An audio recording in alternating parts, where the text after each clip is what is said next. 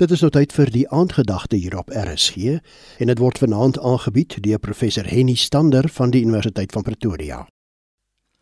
Liewe RSG luisteraar, ons praat vanaand verder oor die tema Dis tyd om te verander. Ons het nou alreeds aandag gegee aan hoe ons ons denke, ons woorde en ons uitkyk op die lewe kan verander. En vanaand kan ons gerus nadink oor hoe ons luister. Ons ken almal mense wat elke gesprek oorneem en woorde uitspuit soos 'n fontein. Maar laat ons vanaand luister wat hierdie boodskap vir ons wil sê, sonder om aan iemand anders te dink op wie die boodskap goed sal pas.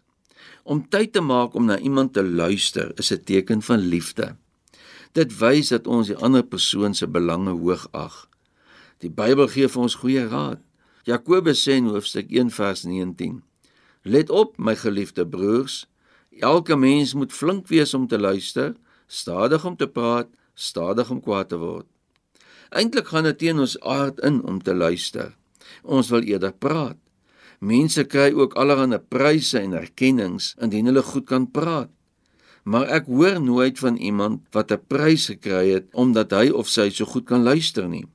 Daarom is dit goed dat ons sal nadink oor hoe ons kommunikasie as gelowiges lyk en of ons kan luister.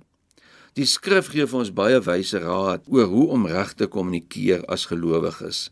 Spreuke 18 vers 13 sê: Wie antwoord voordat hy luister, sotheid is sy deel en ook vernedering. Maar die heel belangrikste ding om te onthou is dat die manier hoe ons luister, net soos al die ander dinge wat ons doen, verraai iets van ons liefde vir God en vir ander mense. Luister ons na ander mense se pyn en seer en stryd en standpunte soos wat Christus sou doen? Of kan ons nie wag om aan die ander een te vertel hoe reg en oulik ek self is nie? Om regtig na iemand te luister beteken om ook aandag te gee aan wat die ander persoon sê. Moet ook nie ongemaklik word as daar stilte in 'n gesprek is nie. Soos iemand eendag gesê het, listen and silent are spelled with the same letters. Think about it. En wanneer 'n mens so praat van luister, dan geld dit ook vir ander forme van luister, soos wanneer ons aan gesprekke in die sosiale media deelneem. Ook daar behoort ons beleef te wees en ander mense toe te laat om hulle opinies te gee sonder om hulle dood te praat. Kom ons bid. Hemelse Vader, dankie vir die wyse raad wat ons in U woord kan raak lees. Help ons om flink te wees om te luister, stadig te wees om te praat. Nie net in ons verhouding met ander mense nie, maar ook in ons verhouding met U.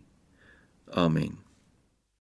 Die aandgedagte op RSG is vanaand aangebied deur professor Henny Stander van die Universiteit van Pretoria.